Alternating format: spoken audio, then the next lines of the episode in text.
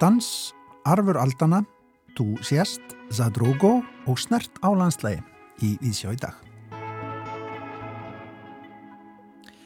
Aðalhegur Guðmundsdóttir hlaut ekki að viðurkenningu hagþengis fyrir framúsgarandi ritt á árinu 2021.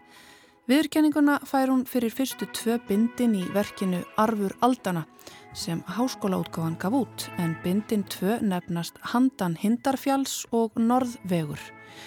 Í ritinu Arfur Aldana setur aðalhegur sér þar metnaði fulla markmið að fjalla á heilstaðanhátt um uppbruna fortsagna, efni við þeirra, útbreyslu og bókmentaleg enginni. Við heyrum brot úr viðtali við aðaleiði frá því fyrrivetur í þættidagsins. Í lítilli á sem að rennu til sjávar í hjeðinsfyrði fyrir norðan er að finna fimm óvenjulega steina, allt of reglulega, greinlega manngerða, sem eru stiklur fyrir göngufólk til að komast þurrum fótum yfir vassfallið. Tinna Gunnarsdóttir vöruhönnuður ber ábyrð á steinunum en þeir eru bæði hluti af yfirstandandi doktorsverkefni Tinnu og síningu sem að opna varum síðustu helgi í Hafnaborg í Hafnafjörði. Við höldum í Hafnafjörðin í dag og ræðum við Tinnu Gunnarsdóttur um landslag, fagurfræði og verkinennar á síningunni. Og Selma Reynistóttir heldur fara að skoða það tímabil Íslandsögunar þegar Íslandingum var gert erfitt fyrir að dansa og tala sumur um dansbann. Í þætti dagsins spjallar Selma við þjóðfræðingin Allafrei Hjaldarsson og spyr meðal annars af hverju bönnuðu kirkjan og yfirvöld Íslandingum að dansa. Við byrjum á leikhúsinu í dag. Nína Hjalmarsdóttir fór í borgarleikhúsið og sá síninguna Tú sést Zadrogo eða Uff hvað allt er dýrt hérna. Leikverkið er unnið í samstarfi við íslensk-pólska leikhópin Pólís og fer síningin öll fram á pólsku en með íslenskum og ennskum texta. Heyrum hvað Nína hafðum síninguna að segja. Við börfum veðrinu þegar við keirum krakkana í skólan í myrkrinu með sætishitan í botni. Við þrjóskumst við að vera á stuttbyggsunum í sumarkuldanum að meðan við slöfurum í okkur einum gull á þjóðatíð. Við bókum ferð til Tenerife fyrir alla fjölskylduna. Við setjum bílinn í bílskurinn og gerum upp bústæðin. Við klæðum okkur í okkar fínasta pús til að fara á jólasýningu þjóðlegúsins. Við segjum Jésús á einsvæginu og hristum hausinn yfir fréttum af stríði og hörmungum. Kanski koma fleiri túristar núna hingað þar sem er friður og allir svo næs. Nei, við getum ekki tekið á móti flótafólki núna, því við þurfum fyrst að losna við alla hýna sem eru óæskilegir, sem passa ekki inn í okkar við. Við sem erum best í heimi, við sem fögnum þægindunum og rólegheitunum, er ekki bara best að kjósa framsókn. Þetta rettast, bara djóka. Við Íslendingar. Við sem erum afkomendur Ingóls Arnarssonar með vikingablóð í æðum Við sem hefum náttúrulegan kraft sem mótast hefur í sambúð við harbíla en gjöfula náttúru. Við sem erum okkar miðja alheimsins, óhaganlegur kjarni sem allt annað miðast út frá. Þetta við sem þarf ekki að útskýra. Það er því sérstök tilfinning að farað sjá leikús sem er ekki búið til fyrir okkur, mig, við. Þar sem ég þarf að flakka stöðugt millir leikritsins á sviðinu og textans í símanum til að rétt ná að fylgja þræðinum í sögunni meðan pólverjarnir á næsta bekk veltast um að flátri yfir einhverju sem ég fatt ekki. Þar sem ég er út undan. Þar sem ég sakna forutindana sem ég er oftast ekki meðvituð um. En það tókst á frimsýningunni á Tu Jesta Drogo eða Úf hvað allt er dýrt hérna í sviðsendingu leiköpsins Pólís á litla sviðinu í borgarleikusinu síðastliði förstutaskvöld. Þetta er önnur síning hópsins en á síðasta ári gerðu þau Cosa Poronioni Pomistl sem var devæst eða samsköpunarsíning sem blandaði saman ennsku, pólsku og íslensku. Í þetta skiptið er næstum öll síningin á pólsku og fjörði vekkurinn nánast lokaður í gaman síningu þar sem við fylgjumst með ævintýrum Natsega og á Genius eða Genek sem ætlaði að vinna í fiskvinnslu á Eskifyrði eða Eski eins og þau kallaða og sapna fyrir brúköpunum sínu. Árið er 2026. 23,3% Íslandinga eru pólskir. Það er búið að svissa pólsku fyrir dönsku í grunnskólum. Það er pólsk útarpstöð. Pirókis er í offrambóði og Pavel Bartosek er borgastjóri Reykjavíkur eða samansapn útkverfa eins og einn karakterinn kallar höfuborgin okkar. Nadjeja sem leikin er af Aleksandru Skólasínska er hinn fullkomna kærasta, verkefnastjórin í sambandinu sem berst við að halda jákvæðaninni þegar Genek, leikin af Jakob Síman, fer í fílu eins og smákrakki út af minnstu hlutum sem honum finnst fara úr skeiðis. Nadjeja og Genek representera hefði típiska kærustupar aldamótakynnslóðarinnar en eru um leið eins konar Polsk, Brad og Janet krútleg og saklaus sem trúa alltaf á það góða í fólki. Þrátt fyrir að vera ekki lærði leikarar stóðu þau Aleksandra og Jakob sig vel og má sérstaklega minnast á draumabrúðköpssenuna þar sem Nadjeja söng svo dásamlega og Genek sjarmiraði áhörendur upp úr skónum. Hins vegar voru sumarsenuna þeirra oflangar og hefði mátt stitta og skerpa án þess að það myndi bytna á heildarmyndinni. Á leiðinni austur hitta þau hérna ótrúlegustu karaktera leikna af Ólafi Áskirsinni sem fyrir fyrra verk hópsins lærði pólsku á nokkru mánuðum, metnaður sem hristur upp í hugmyndinu um hvað listrænt ferli getur verið. Ólafi tekst að blása miklu lífi í personutnar með því að hlúað minnstu smáatriðum og blæbyrðum. Komedísku tímasetningarnar hans voru stórkostlegar og gáttu áhörundur stundum ekki náð andanum yfir karakterum eins og hinnum pólska bílasölumanni Tomek eða hinnum gandja elskandi sundlega verði. Eftirminnilegasta personan er þó hinn taktlausa og grunnhyggna Kata, hinn típiski forréttindablindi Íslandingur sem auðsar yfir heitunir okkar óþægilegum taktlausum frösum sem nýsta inn að beini því þeir eru svo sannir, þeir spekla raunveruleikan mjög vel. Á sviðinu voru líka Silvija Sækoska og Andrés P. Þorvaldsson sem brúðu sér í ímis hlutverk og geistluðu af sjálfsöryggi og hisbursleysi sérstaklega í dansinunum kóreograferaðar af Cameron Corbett. Silvíja stál senunu í hverskipti með sviðsnervuru sinni en mér skilsta hér sé á ferðinni hámentuð og reynslu mikil leikona sem var í óskandi að vermdi oftar svið landsins. Sviðsmynd og búningar áttu stóran þátt í að skapa þetta heildarmynd en heiðurinn af þeim á Víóla Újastóska sem vakið hefur mikla aðtegli sem myndlistar og gjörningarkona en hefur ekki síður erindi í smíði sviðsmynda. Á sviðinu mátti sjá samspil af realískum sviðsmunum og vídeovörpunum, eins og heimagerða 90's brúðköpsvídeóið sem bjóð til akkurat rétta kids andrumsloftið fyrir þetta verk. Tónlistin var í höndum Unsteins Manuel Stefánssonar, poppuð og létt og ítti vel undir flæði senana en ansi grípandi þemalagverksins er orðin yrna ormur sem ég held ég losni aldrei við. Handritið er ekki flókið og ekki ert sérstaklega frumlegt en það kom reyndar ekki að sög fyrir mig sem kann ekki pólsku en einni vegna þess að grínið kom samt vel til skila. Húmor sem gerir óspart grín af öllum í salnum og þeirra þjóðarni er sérstaklega djúsi af því hann neyðir áhrandan til að horfa á sjálfan sig með öðrum augum. Leikstjóranum Sölku Gullbrá Þorkelsdóttur hefur tekist vel að halda skirri stefnu í verkinu sem er að gera grínverk á pólsku fyrir pólverja til að skemta sér og jafnvel tengja við söguþráðin og fyrir Íslendingana í salnum að eiga hressandi stund þar sem við erum af miðjuð. Það er potað í okkar innstu sjálfsmynd, kíli eru sprengt og við neyðumst til að horfast í augu við hvað við getum stundum verið leim.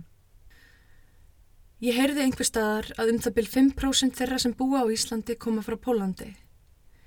Ég, eins og kannski flestir Íslandingar, kannast við þá fordumafullu byrtingamind sem hefur verið dreyin upp af fólki frá Östur-Evrópu í áratugaraðir. Ég man hvernig fólk talaði um pólverja og hvernig það talar enn um pólverja. En hvernig við, Íslandingar, hugsum um hverju fá að vera hluti af sjálfsmynd okkar sem þjóð er eitthvað sem er ekki auðvelt að krifja hér. En þó má segja að fordamar og mismunun beinist ekki aðeins að brúnu og svörtu fólki, heldur einni af þeim sem við skinnjum sem óæðri innan kvítleikans, þeirra sem eru utan miðjunar, til dæmis þeirra sem eru frá Pólandi. En sannleikurinn er sá að pólverjar hér á landi eru ekki bara koma til að vinna og sapna fyrir brúðkaupi. Þau eru mörg búin að festa rætur hérna, eða eins og eitt karakter í Tújessa Dróko sagði frá, Eftir eitthvað tíma þá festist maður hérna. Þrýr mánuðir verðað 15 árum og börnin vilja ekki fara aftur til Pólans. Þó svo að pólverjar hafi nánast engan sínileika í menningarlífinu, þá eru þau hérna og það er ekki hægt að útiloka þau að eilifu. Það er gildi sem likur í því að setja upp verk á pólsku á sviði borgarleikusins. Það er lítið skref í átt að breyta narratífinni um hver er hluti af hópnum, þessu við-i, þessu íslenska. Það er það sem listaverkins og þessi síning getur gert og um leið gert grín, gert grína íslendingunum og gert grína pólverunum og í gríninu getur losunin, heiluninn og breytingarnar átt sér stað. Einn áhrifamesta stund síningarinnar var það sem gerðist utan verksinn sjálfs, en meðan frumsýningargestir klöppuðu komu þau sem standaði síningunni á sviðið með ukrainska fánan, blár og gulur, og heldu honum uppi. Því meðan nágrannar þeirra í Úkrænu berjast fyrir lífi sínu eru þau hér á Íslandi að sína fyrstu leiksýninguna á pólsku í borgarleikusinu vegna þess að hvað er fólk að berjast fyrir ef ekki heimur sem hægt er að skapa list og dreyma aðrar framtíðir. Tuyessa Drogo er ekki bara ógeðslega fyndin síning sem er mikilvægt innlegg í listasennuna á Íslandi, heldur mótar hún sjálfsmynd þjóðar og mun eflaust hafa áhrif um ókomna tíð saði Nína Hjálmarsdóttir um leikverkið Tu jest Zadrogo eða Uff hvað er allt dýrt hérna sem er til síninga í borgarleikursuna þessa dana. En aðalheiður Guðmundsdóttir hlauti gæri viðurkenningu Hagþengis fyrir framúrskarandi ritt á árinu 2021. Viðurkenninguna færum fyrir fyrstu tvö bindin í verkinu Arfur Aldana sem að háskólaútgáðan gaf út en bindin tvö nefnast Handan Hindarfjalls og Norður Vegur. Í raukstuðningi viðurkenningarnemdar er tekið fram að á síðust árum hafi orðið viðsnúningur í viðþorfi okkar til fortsagnana. Undanfærin hundrað áriða svo hafi hugtækið fortsögur fyrst og fremst vakið í huga Íslandinga þangað um Íslandingasögur um störlungu og verk Snorra Sturlusonar. En færi við 250 ár aftur í tíman og nefndum fortsögur við þálefandi Íslandinga er líklegt að það fólk vildi helst ræða um friðþjóðin frækna, rólf kraka eða rafnistumenn en síður um til dæmis guðrúnu, kjartan eða bolla. Já, vaksandi þjóðuniskend og smekkur mentamanna hafa allir því að þessar skemmti bókmyndir hafa orðið að eins konar olbúa börnum þegar kom fram á 20. öld. Á síðustu 30 árum hafi orðið gleðilegur viðsnúningur á þessu og verk aðalheiðar tali beint inn í þá deglu. Í rétinu Arfur Aldana setur hún sér það metnaði fulla markmið að fjalla á heilstaðan hátt um uppbruna fornaldarsagna, efni við útbreyslu og bókmentaleg enkenni. Skulum heyra nokkur brot úr viðtali Jórunar Sigurðardóttur úr þættinum Orð um bækur frá því í vetur við aðalheiði Guðmundsdóttur. Velkomin aðalheiður Guðmundsdóttir. Takk. Hvað er allt í einu svona merkilegt við fornaldarsögur Norðurlanda að, að þær eru bara að fá heil fjögur bindi á nokkrum árum? Já, Guðmund góður, það er kannski ekki gott að segja uh, en jú, það er nefnilega ekki bara ég sem er að rannsaka fornaldarsögur heldur hafa þær fengið svona svolítið uppreist æru innan bókmynda arfsins okkar og þegar ég tók doktorspróf í kringum 2000, upp úr 2000 þá voru fornaldasóknar ennþá kynnta sem svona bókmyndir sem að enginn hefði hérna rannsakað eða engum hafi þótt neitt virði að rannsaka. En svo hefur mikið gerst síðan þá og núna eru fornaldasóknar yfirleitt bara eh, taldar til alvöru bókmynda Efni við erum sem ég vinn með mikið í, í hérna, fyrstu tveimirbindunum að hans nertir auðvitað þessi germisku heti kvæði en líka mjög gamla sagnaritun og þar höfum við svona, þú veist, einhvern kjarna, sögukjarna, við höfum ákveðnar sögupersonur sem að, sem að, hérna... Það er að nefna nokkra svona ganni.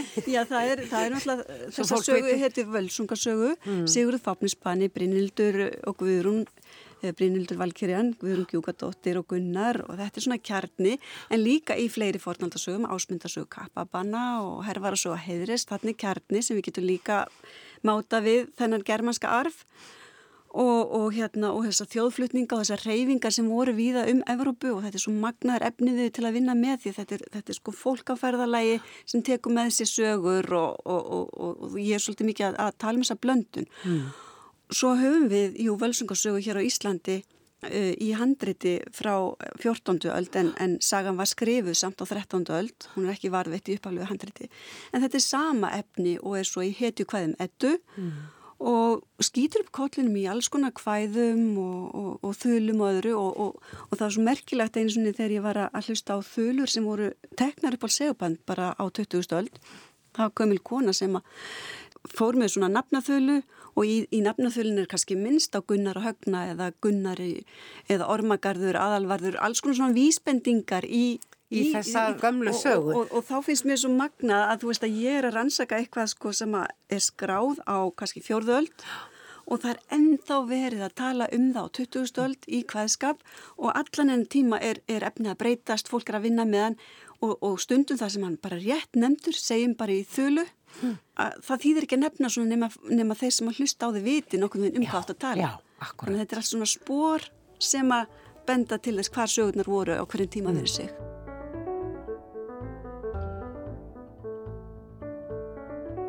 Já, þegar við skoðum hvernig sögurnar breytast í gegnum tíðina þá sjáum við að, sko, að við getum skoða þetta söguefni í, í tvenni lægi annars vegar sem bara svona fasta stærð sögu sem er sögð til aðþrengar, skemmtunar til þess að létta á sorgum annara eða, eða tilfinningum eða hva, hvað sem fólk er að ganga gegnum það getur alltaf samsama sig við söguhettur. Mm.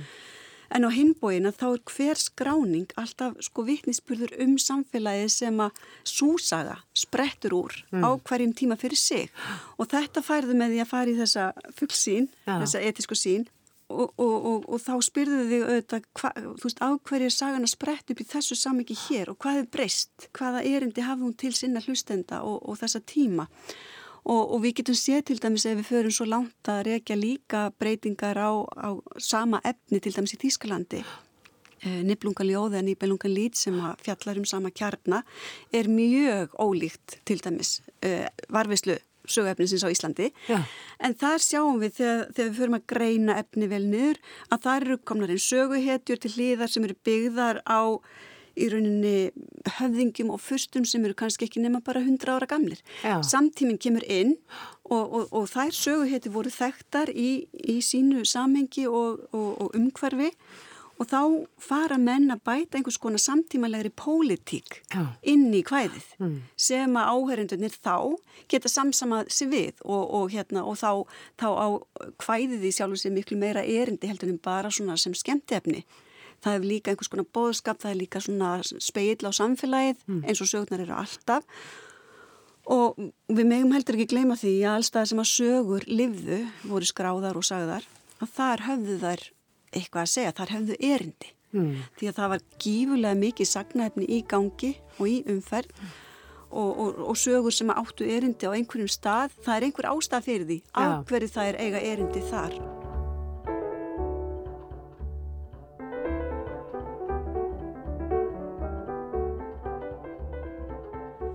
Og ég sé að eh, bæði rítöfundar sem að taka svona sagnabrót og þeir sem að framlega kvikmyndir annað, þeir eru ofta að vísa í þennan menningararf þó svo þessi ekki beinlinis að, að sko framlega vikingaþætti.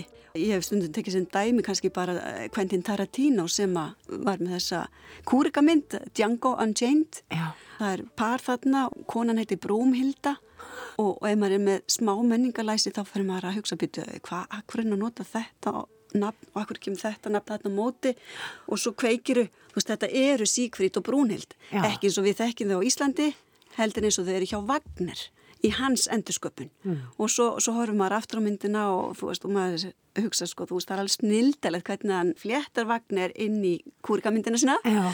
en ég held að menningin sé svolítið að þróast í þessa átt að við fáum aðþreyingu fyrir þá sem að bara njóta aðþreyingar en við fáum líka dýbri aðþreyingu fyrir þá sem eru menningalæsir og ég held að ég get bara ekki séð fyrir mig framtíðina öðru sem svo að þegar búið er að, að, að framlega vist mikið að vikinga þáttum og öllu þessu þá verði meiri eftir spurn eftir alvöru efni, Já. eftir dýbri greiningu þegar framleiðendur og handriðsöfundar kom og segja þú veist, hvað getum við unni með mm. að þá verða að vera til rannsóknir á þessum sagnaarfi.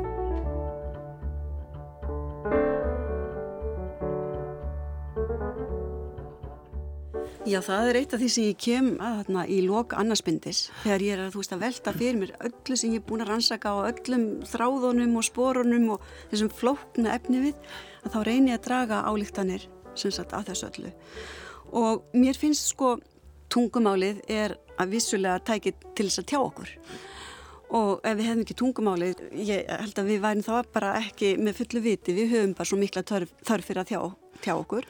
Og við gerum það eftir þessum struktúr sem að liggur á bak við tungumálið og uppbyggingu setninga en líka struktúr sagna og það vil stundum gleymast að, að sagnir eða sögur, þær eru eins og tungumál svolítið í öðru veldi og með sögur getur við sagt svo miklu meira en bara með nokkrum svona setningum mm. en sögurnar þær lúta í rauninni algjörlega sama eða samskonar, sambærilegu lögumáli og Tungumál. Já, þannig að þegar málfræðingar er að fást í tungumálið að þá fást frásagnafræðingar við uppbyggingu sagna og þetta finnst mér heitlandi og hvernig sögurna svona hugsa í okkur og hvernig við hugsum alltaf í sama munstri og, og hérna þegar við fjöllum um formúlur til dæmis og formúli bókmæntir þá hef ég svona frekar tala fyrir því þegar ég er að kenna að við þurfum alltaf að, að greina sögurnar og, og hvaða minnstur er á bakviðar og hvernig, hvernig persónsköpun er og, og, og það er sumt sem gerir sögur að meiri listaverkum heldur en aðra sögur. Mm. En hins vegar formálubókmyndinar að þær eru uh, hérna svo nöðsynlegar. Það er bara þessi einfaldi struktúr sem er samæluður öllum mönnum og, og sagan, hún á sitt reys og hún endar svo jafnvæg í rauninni í því jafnvæg sem hún hófst í. Það þarf að lokunni þannig og þegar við erum búin að rýsa upp með söguhetinni í gegnum sagt, uh, í átt til ójafvægis og svo aftur í átt til jafnvægis og þetta er allt sagt, komið gott og þá erum við sátt og við höfum losað við tilfinninga sagt, eh, spe, spennu, já, spennu í gegnum söguhetunar mm. með þessu. Þannig að þetta er bráðnöðslega sögur.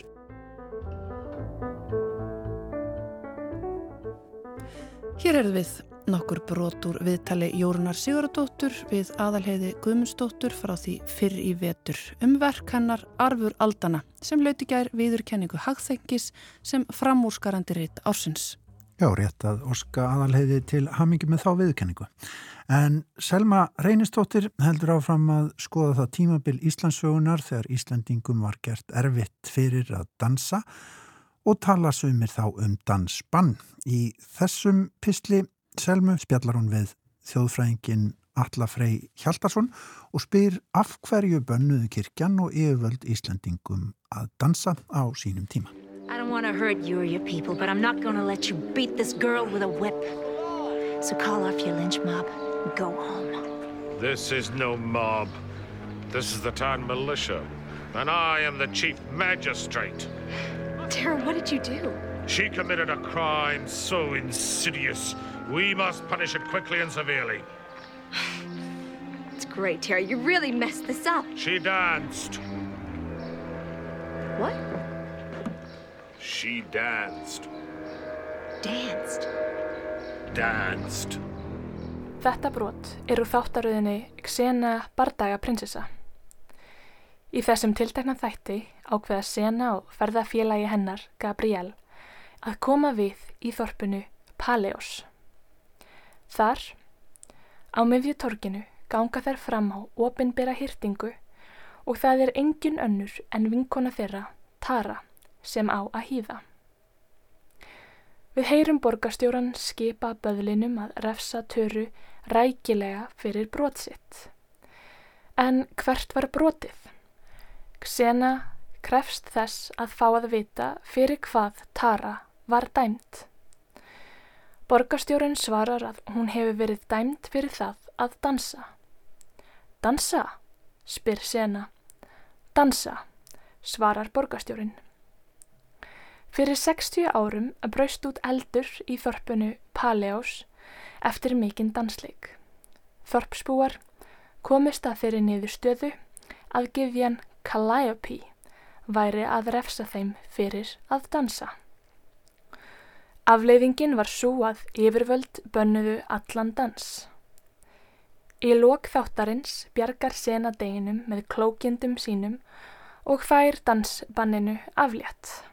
Þessi saga minnir á þjóðsöguna af dansinum í hruna sem segir af presti í Árnessíslu sem var mikið gefinn fyrir dans og skemmtanir. Það var vani hans að taka á móti fólki á jólanótt og halda dansleik. Móður prestsins, henni unu, leist ekkert á þetta og ár eftir ár bað hún són sinn að hætta þessu. Eitt árið er dansað lengra fram eftir en vanalega. Una byður són sinn um að ljúka þessum dansleik en hann svarar bara einn ring enn. Henni líst ekki á blíkuna svo hún flýr bæinn og það má ekki setna vera því hver annar bankar á kirkjunar dyr en hann kölski. Þá opnast jörðin og gleipir kirkina og alla sem í henni voru. Í síðasta pistli talaði ég um dansbann Íslendinga þar sem kirkjan forbauð dansleiki og skemtanir og tókst að bæla slíka viðburði niður í síðbótinni á 16. öld. Sagan af dansinum í hruna var kannski einhvers konar hræðslu áróður um hvað beigð þeirra sem dansuðu. Til allrar ólukku var engin sena til að bjarga deginum og bannið varði í margar aldir. Í dag langar mig að spyrja af hverju bönnuðu yfirföldu dans á Íslandi. Ég hafði samband við Alla Frey Hjaltarsson, þjóðfræðing og fekk hann til þess að spá í þetta með mér. Ég heiti Alli Freyr Hjaldarsson og er þjóðfræðingur og er núna í meistaranámi í þjóðfræði við Háskóla Íslands. Eh, sjálfur dansa ég og ég hef verið að dansa með þjóðdansafélagi Reykjavíkur í mörgar og hef því tekið virkan þátt í þessum menningararfi. Já, og skoða almennt eh, þessari svona íslensku og, og líka erlendu sam, eða alþjóðlegu samhengju svona dansmenningu. Svona fyrst af öllu þá er kannski spurning uh, hvað dans sé og hvað dans var af því að það er ekkert víst að, að hérna, við leggjum sömu merkingu í dansa í dag og, og, og var gert fyrir kannski 800 árum. Það er, hefur verið mikið verið talað um dansbann á Íslandi uh, og það má sjá í gegnum heimildir þar sem vísað er í eins og Jón Helga, biskup sem að let banna eh, klækilegar vísur og óáheyrilegar og, og, meina fólki raun að dansa uh, þó svo að, að aðal áherslan kannski í hans eða í þeim bönnum sem hann er sagður hafa sett hafi verið efni kvæðana sem voru sungin. Um, og í heimildum setni tíma eða þar hérna hefur fólki verið hafi fólk verið laftað fyrir hvað skal segja óhóflegt djam að þegar eftir gleðir hafi kannski verið 17 óskilgetinn börn og fólk hafi kannski ekki hagað sér sérlega kristilega og kirkjunamönnum og öðru fólki í valdstöðum í samfélaginu fannst það ekki eiga að líðast. Þannig að ég held að þetta dansbann og þetta meina fólki að dansa sé kannski meira í orðin og borði og að fólk hafi vissulega dansað þó svo að við höfum handrit sem að fjalla um hversu ósiðsamlegt það er og, og jafnvel rámt. Heldur þú að, uh, að dansviðburðir og dansgólfið gæti mögulega hafi verið hérna ógn við kirkuna og, og yfirvaldið? Líkt og í umræðin áður um dansbanni held ég að það sé alveg tímanalust. Um, alveg eins og það fór alveg hrikalega fyrir brjóstið á, á hérna, fólki að það væri verið að syngja um uh, óviðeigandi hluti og sem ber kannski líka mark þess að fólk hafi verið að tjá, tjá sig um hluti sem að skipta það máli eða, eða hluti sem að það taldi part af sér og sínu einkenni og, og líka að þetta, þessi orðuræða um þetta dansbann hafi við að vara svona lengi að hérna og sérstaklega kirkjunar fólk hafi talað gegn þessum hvæðum sem voru um, um hérna, kannski ástur og veraldleg málefni. Já, Líklega fylgdu dansinum drikja, lauslæti og ókristilegar vísur. Í greininni Siðferði gleðinar nefnir aðalheiður Guðmundsdóttir einnig að lauslæti og drikja hafi verið helsta ástæða þess að kirkjan hafði anduð á dansleikum. Hún nefnir ritt sem oft er vitnað í þar sem yfirstjættin og helgir menn lýsa óbeitt sinni á dansi. Ritt sem oftar en ekki lýsa sukki og svalli. Neikvæð gaggrinni yfir stjættarinnar var alls ráðandi enda eflaust fáir kvotbændur sem tóku upp hennan eftir góðan dansleik. Nei, Það eru oftast partíin sem fara úr böndunum sem eru gaggrind og skjálfest og það úr munni þeirra sem ekki er bóðið. Það er áhugavert að skoða samkomi takmarkanir í dag og þær aðgerðir sem stjórnvöld bæði hér heima og erlendis hafa beitt til að hafa stjórn á skemmtana lífi alþýðunar. Þar má nefna stittan opnunartíma og sætaskipan á tónleikum. Um tíma veldu sumir jafnvel fyrir sér áfengisbanni en áfengisnistla hefur einnig verið til umfjöllunar þegar talað er um forvarnir gegn smiti. Til dæmis fjekk ég áfengislaust glögg sem smakkaðist eins og ríbena berjaþykni í jólagjöf frá vinninu minni en áður fyrr var hefð fyrir því að gefa kennurum við Evrópska skólan í Helsingi rauðvín í jólagjöf. Vinkona mín sagði mér einnig frá því að hún hefði þurft að borga sérstaklega fyrir vín með matnum á jólagleðinni í vinnunni en það hefði fyllt með árinu áður.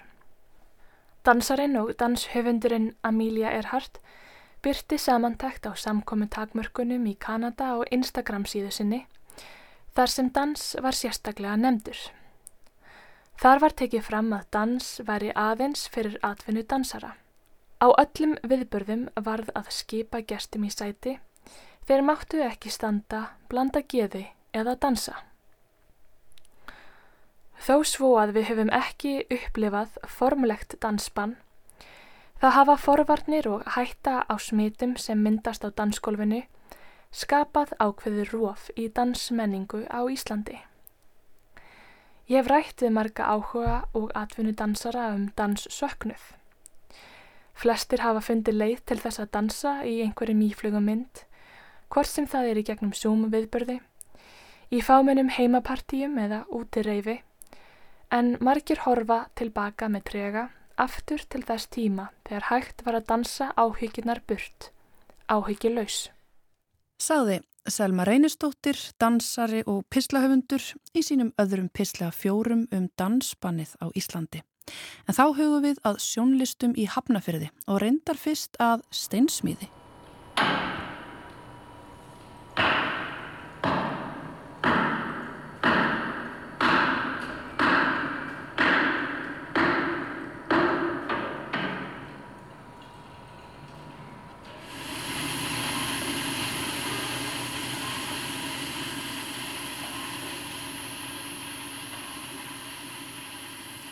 Hér er verið að smíða steina á getur hlustendur, móta steina sem að síðan fóru í ferðarlag norður í Hjeðinsfjörð.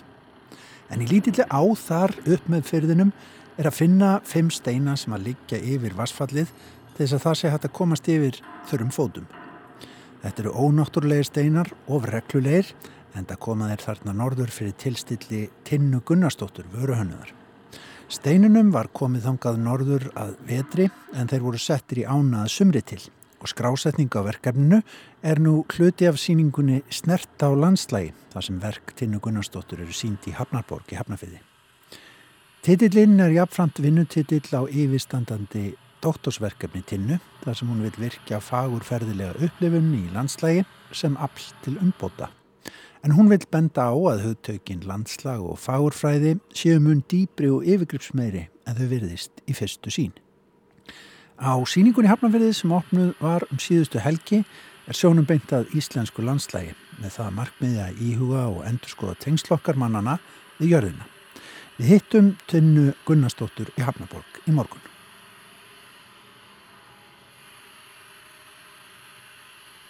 Tinnar snert á landslægi og svo kemur mikil hérna, staðsetningarkóði e, út á landi. Hvert, hvert ferðum með okkur í huganum í, í bara tillisýningarnar? Já, þá förum við norður í Híðansfjörð og Tröllaskaða. Þar sem er búin að koma fyrir stiklum úr, úr hraunni, íslensku grágríti, sem eru svona sér hannaður og smíðar fyrir þennan tiltekna stað og ég hafði verið að vandra svo mikið með þetta, ég átti ekki GPS-tæki, svolítið dýr og svona. Svo hérna fer ég svona, prófaði bara að fara inn á, ég held að það er bara Google Maps. Og ég þekki landur svo vel, ég er búin að lappa, ég dróða hérna vegna saman síðastu sumar, ég er líklega búin að lappa 1500 km bara í híðinsferði síðan 2006 og það er meira en ringvögurinn. og þá sé að bara gæti algjörlega staðsetta, ég held að ef þú eldir þetta þá myndir bara lenda á steinunum sem stiklum sem eru brúa eða þvera litla hliðar á. Og opna eru nú allan dalinn fyrir svona, eh, gangandi fólki. Þessar steina í hérnsfyrir það notar þau sem enkennismynd þessar síningar en þetta er allt hugmyndir og, og pælingar þínar vanandi samband okkar við náttúruna mm. uh, ef við höldum áfram og skoðum það sem við erum með í kringum okkur hérna í, í Hafnaborg, þú ert að vinna að doktorsverkefni og þetta er eiginlega svona framhald á því þessi síning. Tölum til dæmis um þetta torf sem er hér í rýminu. Akkurat.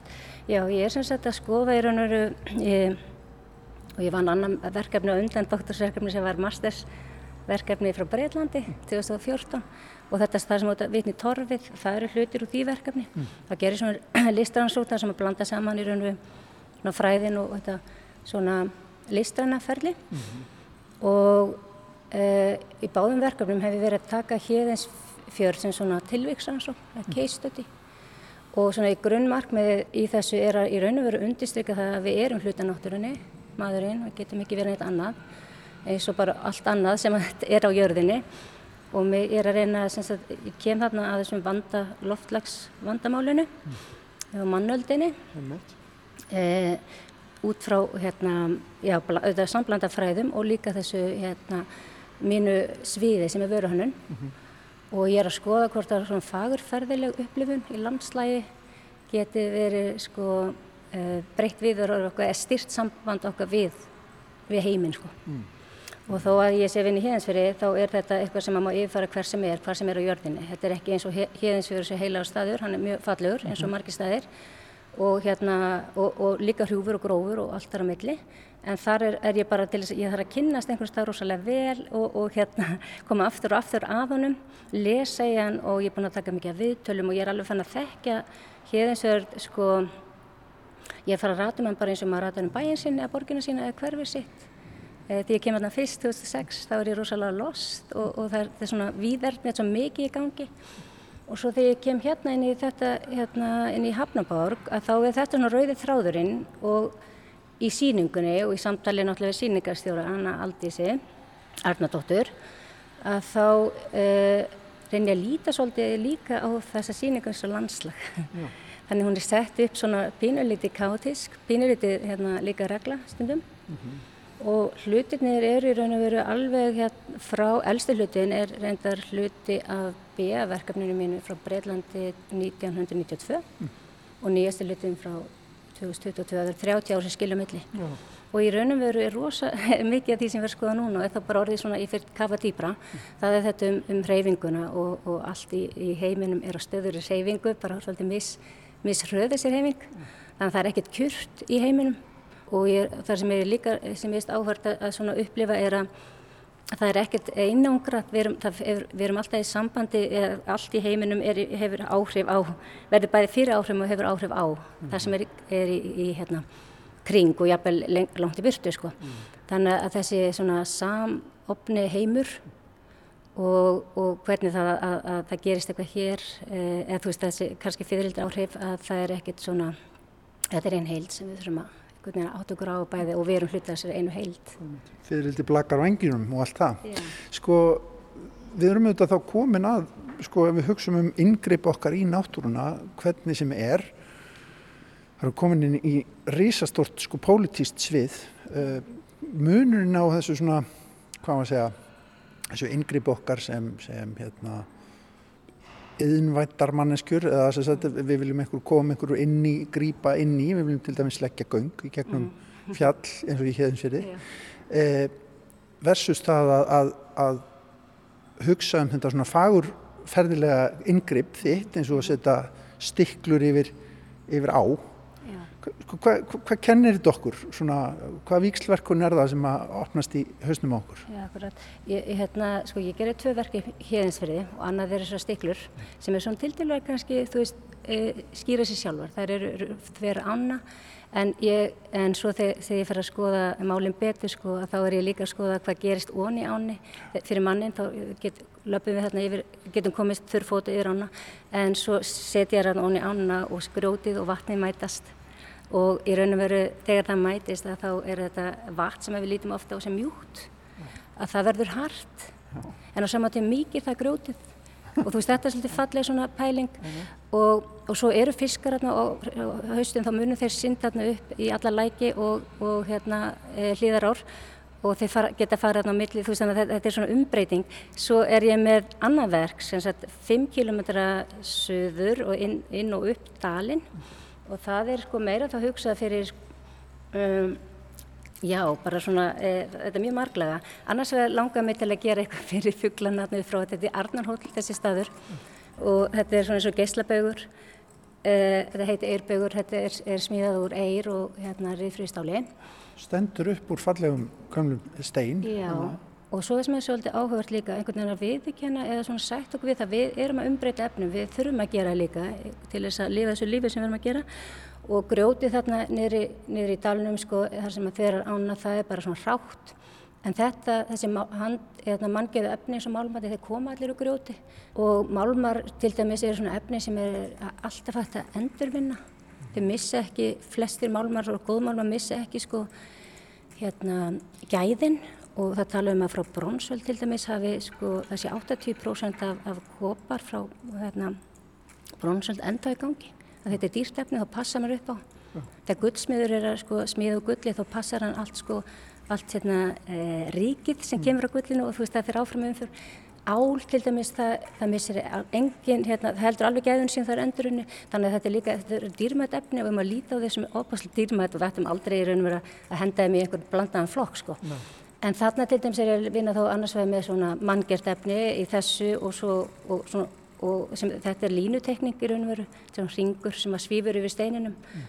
uh, og þannig að það flæðir alveg gegnum hann yfir lofti sko mm -hmm. og svo er ég líka reyna að búið til áfangast það þannig að ég veit að fólk geti ákveða að fara að lappa upp að þessum hérna þessum baug mm -hmm.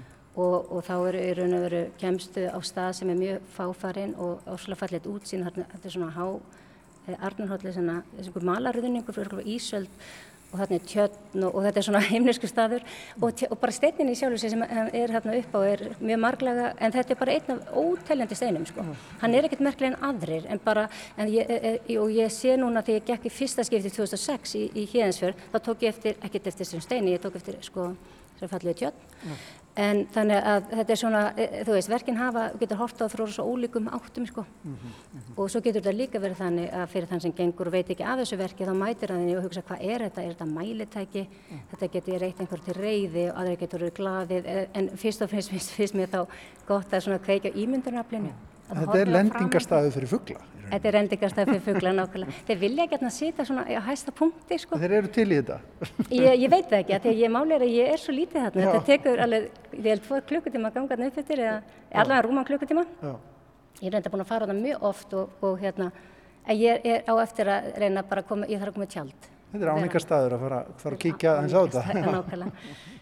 Sko, ef við horfum aðeins hérna, við náttúrulega kannski náum ekki fara yfir öll þessi verk, en er, sko, hugsaðu þessa innsetningu hérna sem eina heild er þetta stögverk af því að það vekur ímslitt aðtegli hérna, til dæmis fæðar kúlur, segðum við aðeins frá þeim hérna sem eru hérna Já, í, í rýminu á gólfinu. Já, ég hugsa þetta eins og ég segði á þessu landslag að, og það er alltaf samtíningur af svona stökun hlutum en svo er líka heild, ein heild, þannig að þannig hugsa ég síninguna. En þessa kúlur, það eru sko, það eru hérna, uh, Uh, þetta eru tvei verkefni og svo er eiginlega þriðja kúlan úr hrauni.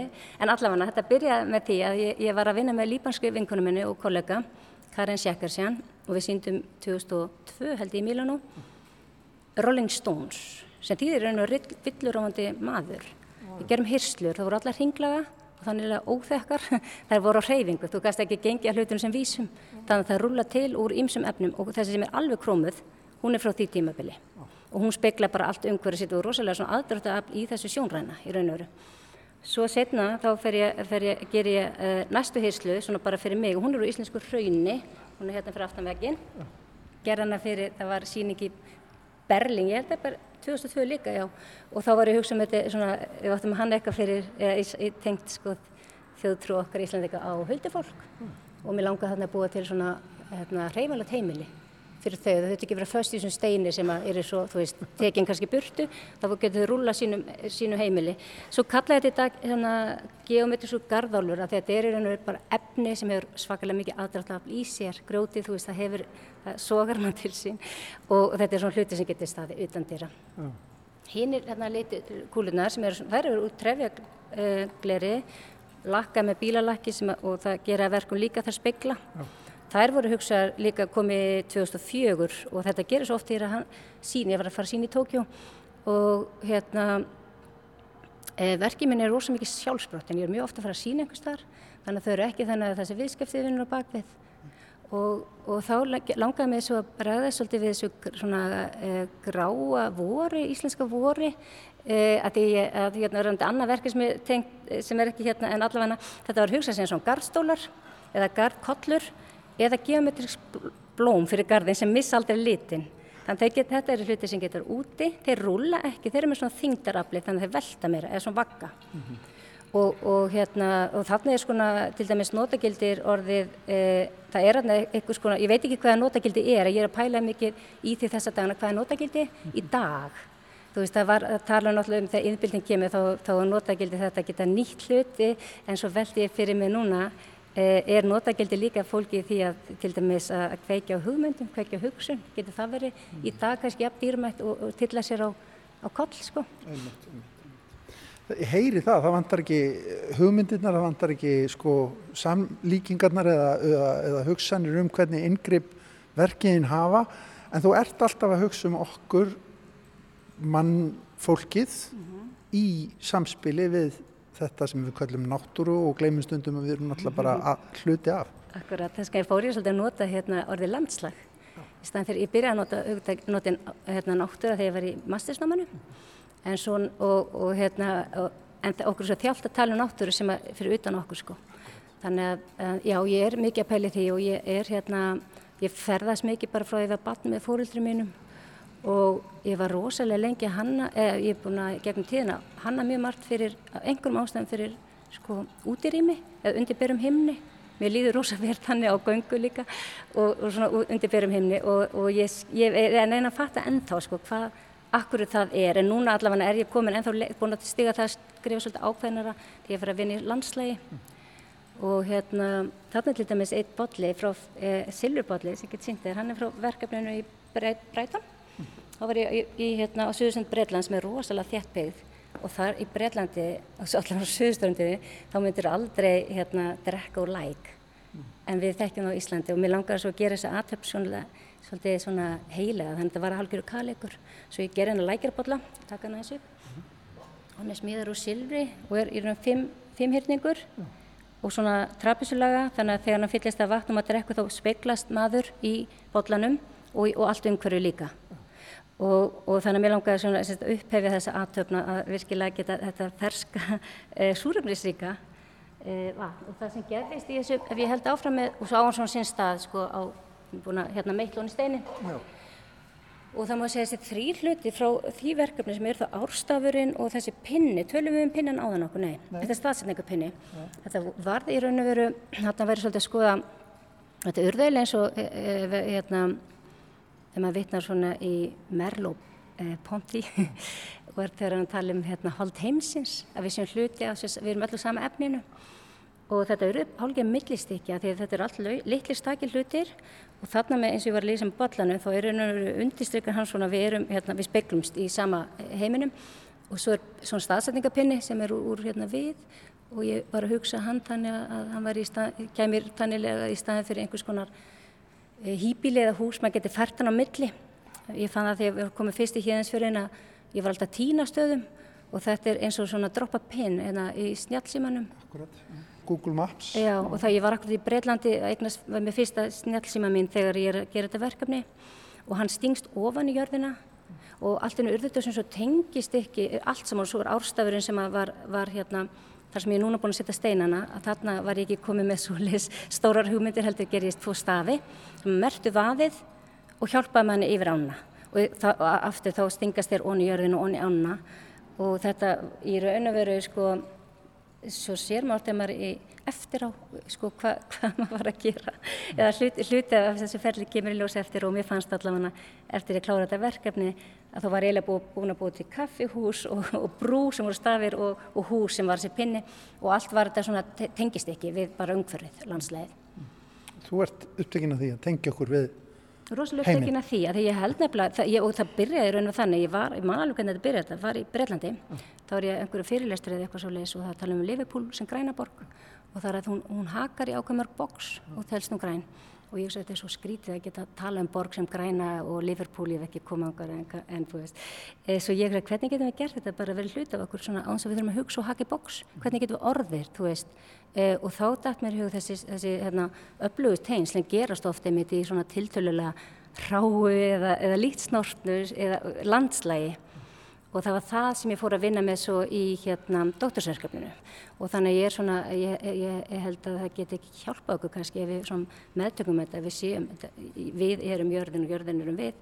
Og, og þú veist, heiminin hefur áhrá jörðina og þetta er allt í samhangandi. Mm -hmm. og svona vekta aðtegli, hvað gerist þegar við förum út í hérna umhverfir og verðin svolítið stundum smá og stundum stór sko og ég held að við verðum að halda áfram að lifa, við verðum að halda, halda áfram og, og þetta, ég held að líka landslega þurfa að vera snertanlegt í raun og veru. Ef það er ósnertanlegt þá er þetta einhvern veginn búið til einhver stöðnun og, þess, e, og, og þetta er ros átök fyrir mig, fyrstu verkin í hérna sem ég ætla bara ekki að geta gert þetta, af því að mér fannst landi svo ósnertanlegt sko, með þess að það fullkomið eins og var. Og ég er náttúrulega reyna alltaf að stíga létt til, ég er að þetta er, þú veist, þetta er mjög smá yngripp í raun og veru, en samt kröftu held ég, það. Þannig að mér langar ekki að fara á, með einhver ruttaskap hérna en, hérna, en ég held samt við þurfum að, að vera þóra að snerta á, á heiminum okkar en gera virðingu. Kanski svona inntætt í þessu. Takk kærlega Vilbjörn. Takk fyrir komina.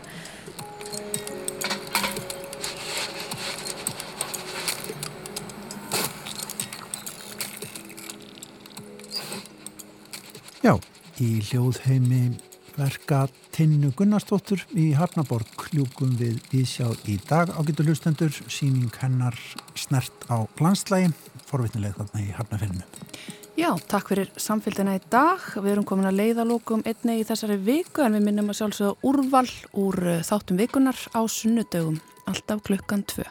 Takk fyrir og verið sæl